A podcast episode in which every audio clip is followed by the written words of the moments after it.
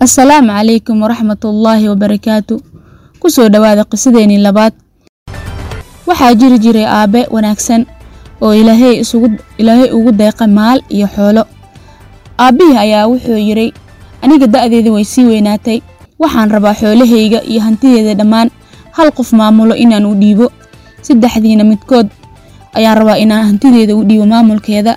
Balse ha yeeshee waxaan rabaa saddexdiina cidda hantidan maamuli karto inaan intixaa idinka qaado. Aabbihii wuxuu saddexda wiil siiyey miro.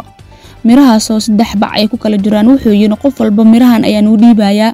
Waxaan rabaa in soo beero. Sanad kadib waxaan rabaa inaan arko qof walba mirihii aan u dhiibo wuxuu ka soo beeray.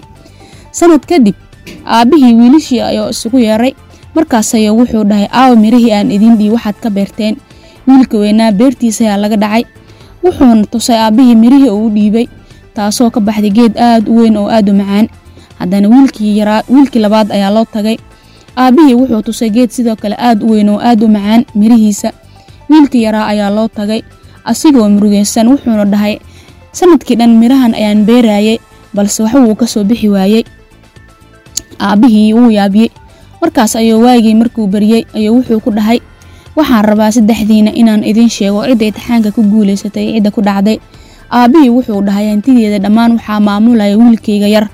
Maxaa yeelay aniga wuxuu yidhi saddexdiina waxaan idiin siiyey saddex miro faalsa ah ee dhintay aanan waxba ka soo baxaynin balse labadiinna khiyaanadiinna miro kale ayaad soo qaadeen waad beerteen saad aniga ii qayaantaan balse wiilkayga yaraa sannadkii dhan miro aanan beermaynin ayuu isku dayaa inuu beero.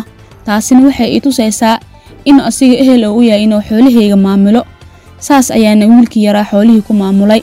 Qisidan waxaan ka fahmaynaa mar walba in loo baahan yahay in layska dhaafo khiyaanada